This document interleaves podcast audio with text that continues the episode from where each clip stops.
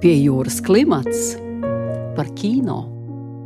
Labdien, mīļie radioklausītāji! Priecājos jūs uzrunāt pirmo reizi jaunajā raidījuma piejūras klimata sezonā. Ir pienācis rudens, un arī šogad, par spīti visam, tas ir sācies ar aktīvu kino sezonu. Aizvadīt dokumentālo filmu festivālu Baltijas jūras dokumentālo filmu fórums un Artok Fest. Šo uzrāvienu turpina arī pašmājas spēļu filmu pirmizrādes, un viena no tām ir 15. septembrī notikusi režisors Dats Pūcis filmas Bedre pirmizrāde. Filmas scenārijs, kur autori ir pat režisori, kā arī Pēters Rozīts un Monta Gāgana, ir balstīts latviešu rakstnieces Janas Eglis stāstos. Bedres galvenais varonis ir desmit gadus vecs puika Markus, kuram jāuzsāk jauna dzīve laukos pie vecmāmiņas. Markus ir noslēgts sapņotājs, kuram vairāk par rotaļām ar citiem bērniem patīk zīmēt un fantazēt.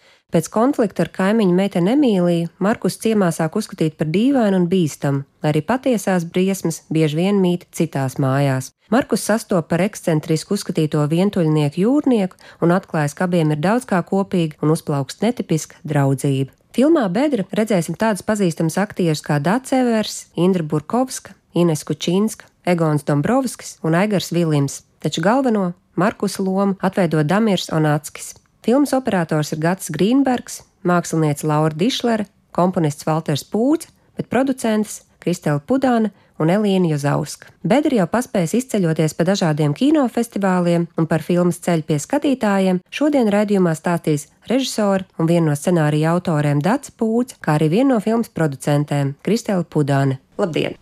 Labdien! Labdien! Kādas ir sajūtas pirms pašmāju, pirmizrādes, un kāds ir bijušas atsauksmes par bedri jau starptautiskajā arēnā, un kā jums šķiet, kas varētu būt tāds, kas būs citādāk šeit, Latvijā? Nu, sajūtas ir ļoti labas, brīnišķīgas, jo visu laiku galvā ir beidzot vārdiņš. Man personīgi tas ir diezgan garš ceļš. Tie četri gadi, tas ir nopietns maratons no tā sākuma. Tā kā, tāpēc tas beidzot ir tik īpašs pēc šiem festivāliem un trījiem Grand Prix, tā sajūta ir tikai tāda stabilāka, labāka, jo es saprotu, ka ir novērtēts ārpus Latvijas. Es ceru, ka arī Latvijā patiks filmā. Jā, nu, pilnīgi noteikti. Priekš mums tas ir ļoti īpašs notikums, tāpēc, ka Latvijas skatītājs ir tas skatītājs, kas ir mums vismīļākais, vistuvākais, un, protams, uz kuru arī mēs visvairāk kā, nu, vēlējāmies to filmu radīt un veidot. Un, protams, tas, ka filma ir atzīta un uh, novērtēta arī ārzemēs, tas priekš mums bija vienkārši ārkārtīgi liels, patīkams pārsteigums un novērtējums. Pie jūras klimats par kino.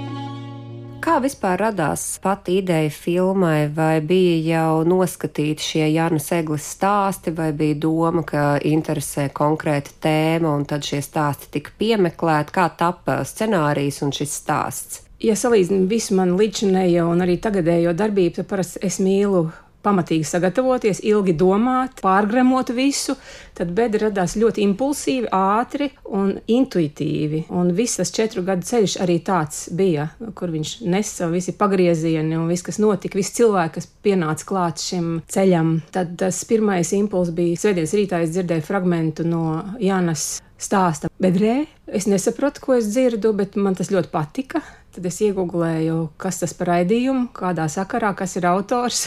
Atradu šo nominēto grāmatu ar šiem astoņiem vai desmit stāstiem. Nopirku uzreiz, un pirmdienas rītā aizgāju paņēmu un pa ceļam uz darbu sāku lasīt jau. Principā es ātri izlasīju un sapratu, jā, tur kaut kas ir. Ceturtdien bija tā kā termiņš nolikts, tas saucamais deadline, kad ir jāizsniedz projekti jauniešu un ģimenes filmu kategorijā.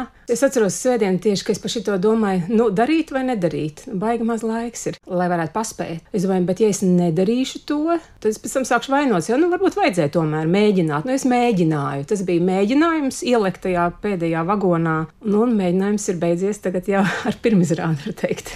Patiesībā nav jau viegls uzdevums izveidot scenāriju uz trim dažādiem stāstiem, savīt viņus kopā, lai viņi organiski viens otru papildina un lai tiešām var redzēt, ka tas ir vienots stāsts. Tā kā um, darbā mums aizgāja filmējām mēs 16. scenāriju versiju, kas ir nu, gana daudz un garš process bija tiešām tajā viss tapšanā. Kas tev, Kristēl, tieši uzrunāja Dācis idejā? Pirmkārt, man noteikti uzrunāja tas, ka Jānis Eglis stāsti ir balstīti uz patiesiem notikumiem, un arī tas veids, kādā Jānis stāsta tos stāstus, cik tie ir patiesi, cik atklātiem vārdiem, cik tiešiem vārdiem, cik tiešiem tekstiem. Reāli man jau arī uzbūrās uzreiz tā aina priekšā, kā tas viss izskatās uz ekrāna. Un līdz ar to Dacei nevajadzēja man pārliecināt, tur bija uzreiz ir oh, yes. Ja es nemaldos, tad kaut kad minēja Dāca, ka ļoti ilgs bija šis casting process, galvenā varoņa meklēšana.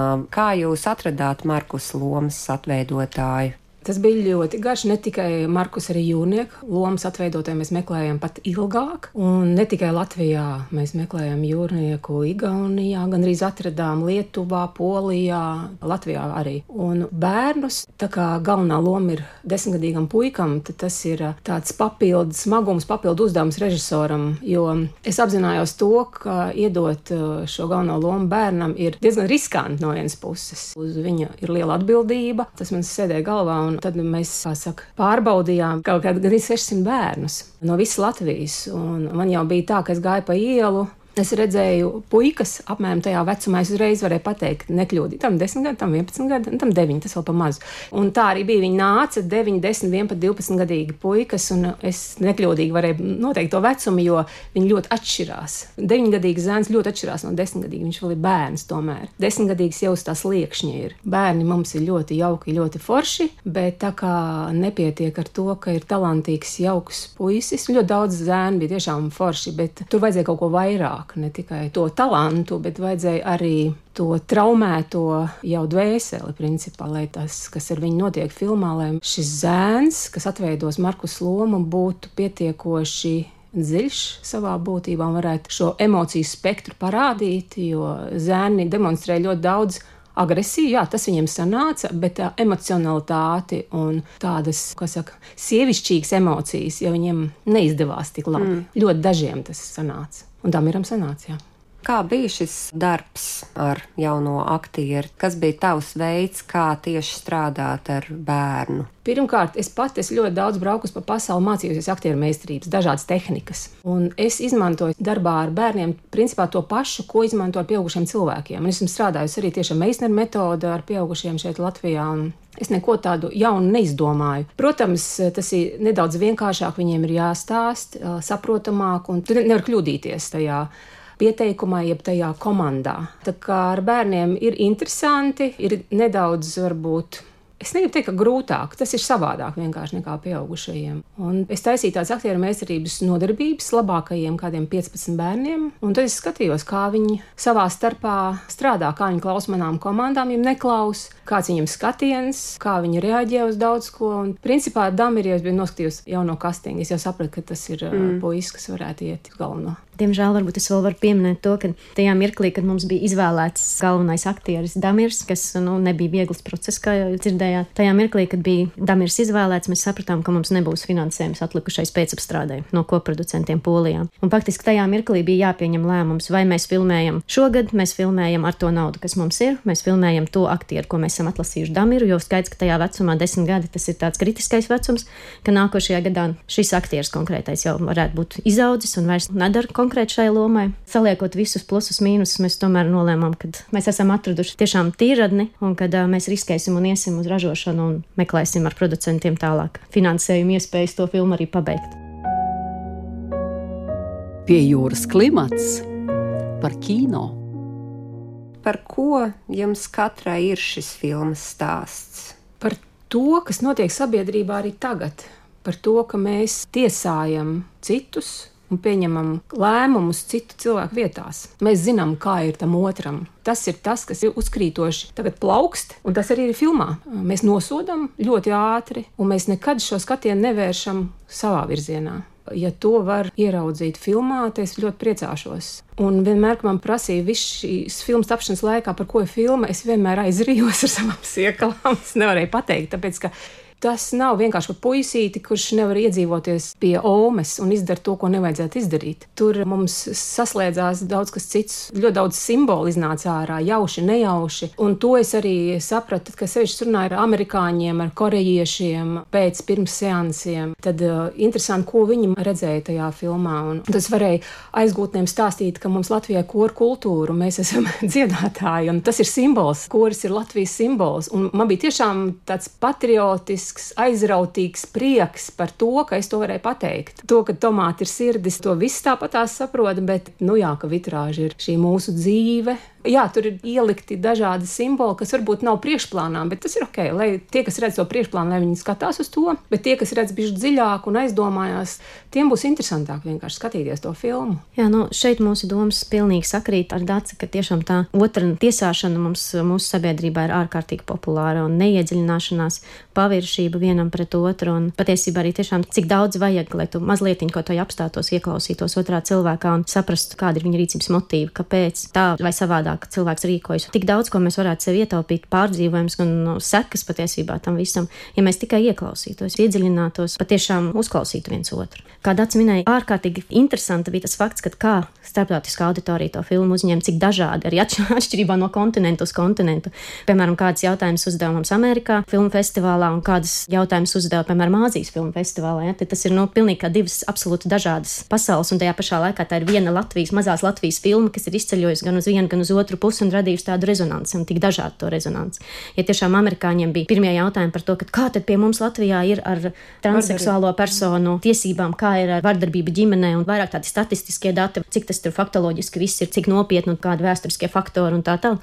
Tad, eh, teiksim, austrumu pusē atkal bija tas, ka viņi redzēja to filmu pilnīgi citā līmenī, var teikt, ja, jo viņiem bija asociācijas. Viņi vienkārši skatījās, meklēja kaut kādu pamatojumu, kaut kādus simbolus, simbolus faktiski jebkurā attēlā, ko tu redzi ekrānā. Viņi redzēja, viņi saredzēja tur tos simbolus, un viņi viņus vilka ārā pilnīgi tā, ka mm. mums pašiem bija ļoti, ļoti patīkams pārsteigums no tā. Jā, es ar citu Dienvidkorejā filmā gāja zem nosaukuma Markus noslēpums, maigāks Jā. nosaukums. Vispār ar šo nosaukumu mums bija tāds, kā saka, šķēpu laušanas attiecībā uz vietējo tirgu un mārketingu. Mums ieteica mainīt nosaukumu, ka pārāk skarbs latviešu uz tādu nosaukumu filmu neies, mm. pārāk drūmi, tā jau visiem ir slikti. Bet kaut kā mēs palikām tomēr pie šī nosaukuma, bez vardarbības, bez strīdiem, bet tā organiski mēs palikām. Jā. Kas, jūsuprāt, ir filmas galvenā auditorija? Jaunieši, pieaugušie, kas ir tā auditorija, ko jūs turējāt vairāk prātā, veidojot filmu? Ja godīgi, es taisīju filmu tādu, kas man patiktu, kāda es skatītos. Kaut gan kategorija ir jaunieši un bērni no 12 gadiem, bet tā kā es ar bērniem komunicēju tā kā ar pieaugušiem, jo tas nav godīgi runāt ar viņiem tā kā nu, mazākiem, mazvērtīgākiem, nezinošākiem. Līdz ar to man tur viss saslēdzās priekš manis. Viena lieta, ko pateica viens skatītājs pēc viena seansa, viņam uzdeva šo jautājumu, kā jums šķiet, vai šī filma ir bērniem. Pirmā reakcija bija nē, tad viņš nedaudz padomā, nē, ir gan tādiem gudriem bērniem. Tā, tā ir tā atbilde. Jā. Un jau no paša sākuma daudz iebilda, ka šī varbūt nebūtu gluži bērnu filma, kas tur notiek. Un es mēģināju visām četrām aizstāvēt, nē, Bērni zina labāk par mums. Mums nevajag slēpt, mums nevajag melot. Tā tā dzīve ir. Un jo viņi ātrāk iedziļināsies, kāpēc katrs cilvēks kaut ko tādu dara, kas ir ar viņu noticis tajā viņa dzīvē, jo labāk viņi izaugs gudrāki. Jo principā, ja es pieskaros tam stāstam, tad Markus potenciāls nākotnē būtu Roberts. Tā ir viņa tā nākotnes vīzija, kāds viņš izaugs. Un tā kā viņš to redz, tad es ceru, ka kāds pamanīs, ka viņš mainījās filmas laikā, un viņš saprata, ka viņš mainīsies, un viņš izaugs, viņš nebūs Roberts divi. Jā, nu, oficiāli, protams, mums skaitās 12 plus filmas auditorija, bet uh, es arī teikšu, ka nu, tas ir mīts patiesībā, ka mūsu jaunatnē šobrīd līdz tiem 12 gadiem neredz neko no tā, kas notiek apkārt. Mūsu brīvi pieejamā mēdīju, kā saka, izvēles brīvībā, cik daudz ir pieejami visvisādi vardarbīgi video un audiovizuālie darbi, un kurus viņi skatās. Nu, mēs nevaram pateikt, ka viņi, ne, viņi neskatās. Ja. Es neuzskatītu, ka tas ir traumējošs pieredze bērnam skatīties šādu filmu. Drīzāk tīri otrādi. Tas viss rada tomēr tevī izpratni par kaut kādām lietām, kas notiek arī tavā dzīvē. Kāpēc tā notiek, un varbūt arī kaut kur nu, liek aizdomāties, ka uh, tas nav pareizi ka tas tā notiek, ka kaut kas ir jāmaina. Jo man jau liekas, ka tā nav filma par vardarbību galīgi. Tas ir pakārtots. Tie ir notikumi, kas notiek ar cilvēkiem, jo viņi netiek ar sevi galā. Jeb, tā kā pats puika turās pie norunas, viņš ir tā iemācīts. Un, ja noruna paliek noruna, viņš saka, un tas, ko viņš izdarīja, īsti nav pareizi. Un kas notiek, kādas sekas ir kaut kādām tavām darbībām. Man nešķiet, ka tā ir filma par to. Tā filma drīzāk par to, ka dzīve ir skaista.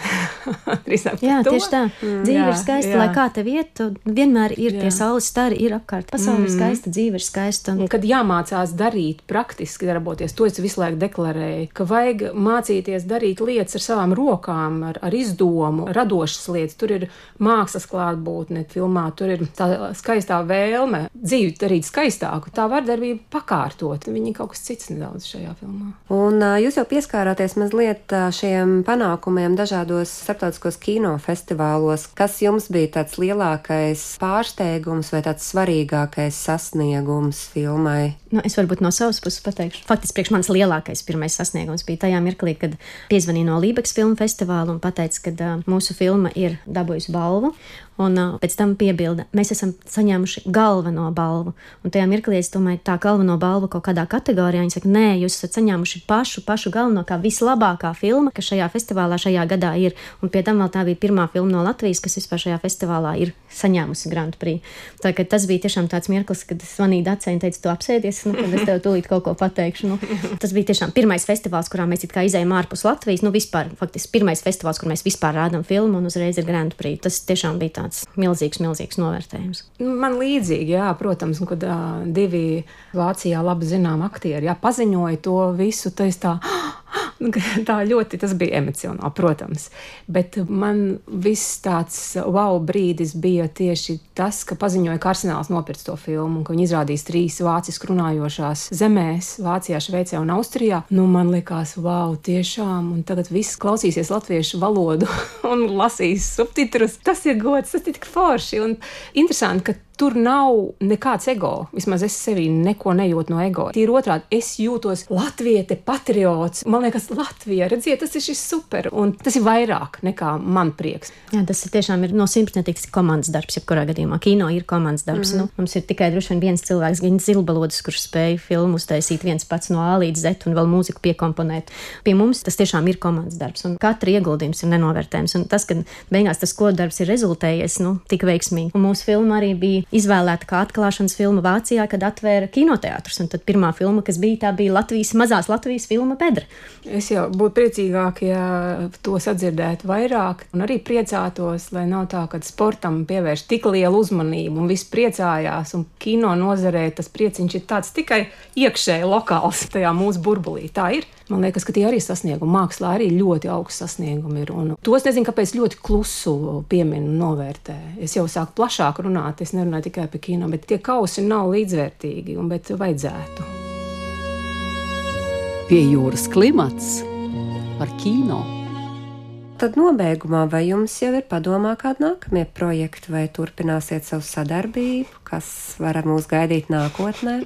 Nu, mēs noteikti, mums jau ir vairākas idejas galvā. Top jau vairāku spēļu filmu projektiņu. Ir arī TV seriāla projekts, kuru mēs jau, var teikt, no Latvijas simtgades seriālu laikiem. Jau mēs... Pirms bedres jau.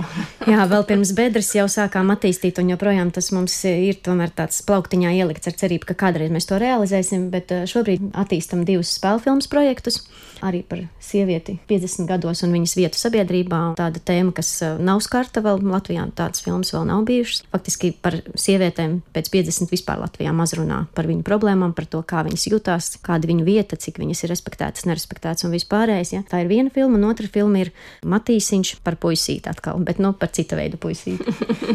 Negribas neko jā, atklāt.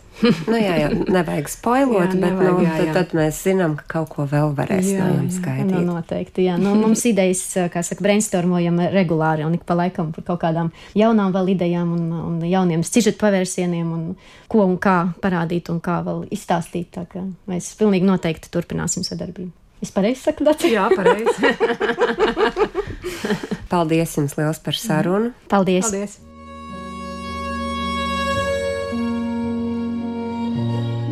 Paldies, ka klausījāties, ejam uz kino un tiekamies jau drīzumā radio viļņos. Redījumu vadīja Martelīna Martinsona, montēja Andra Černievska.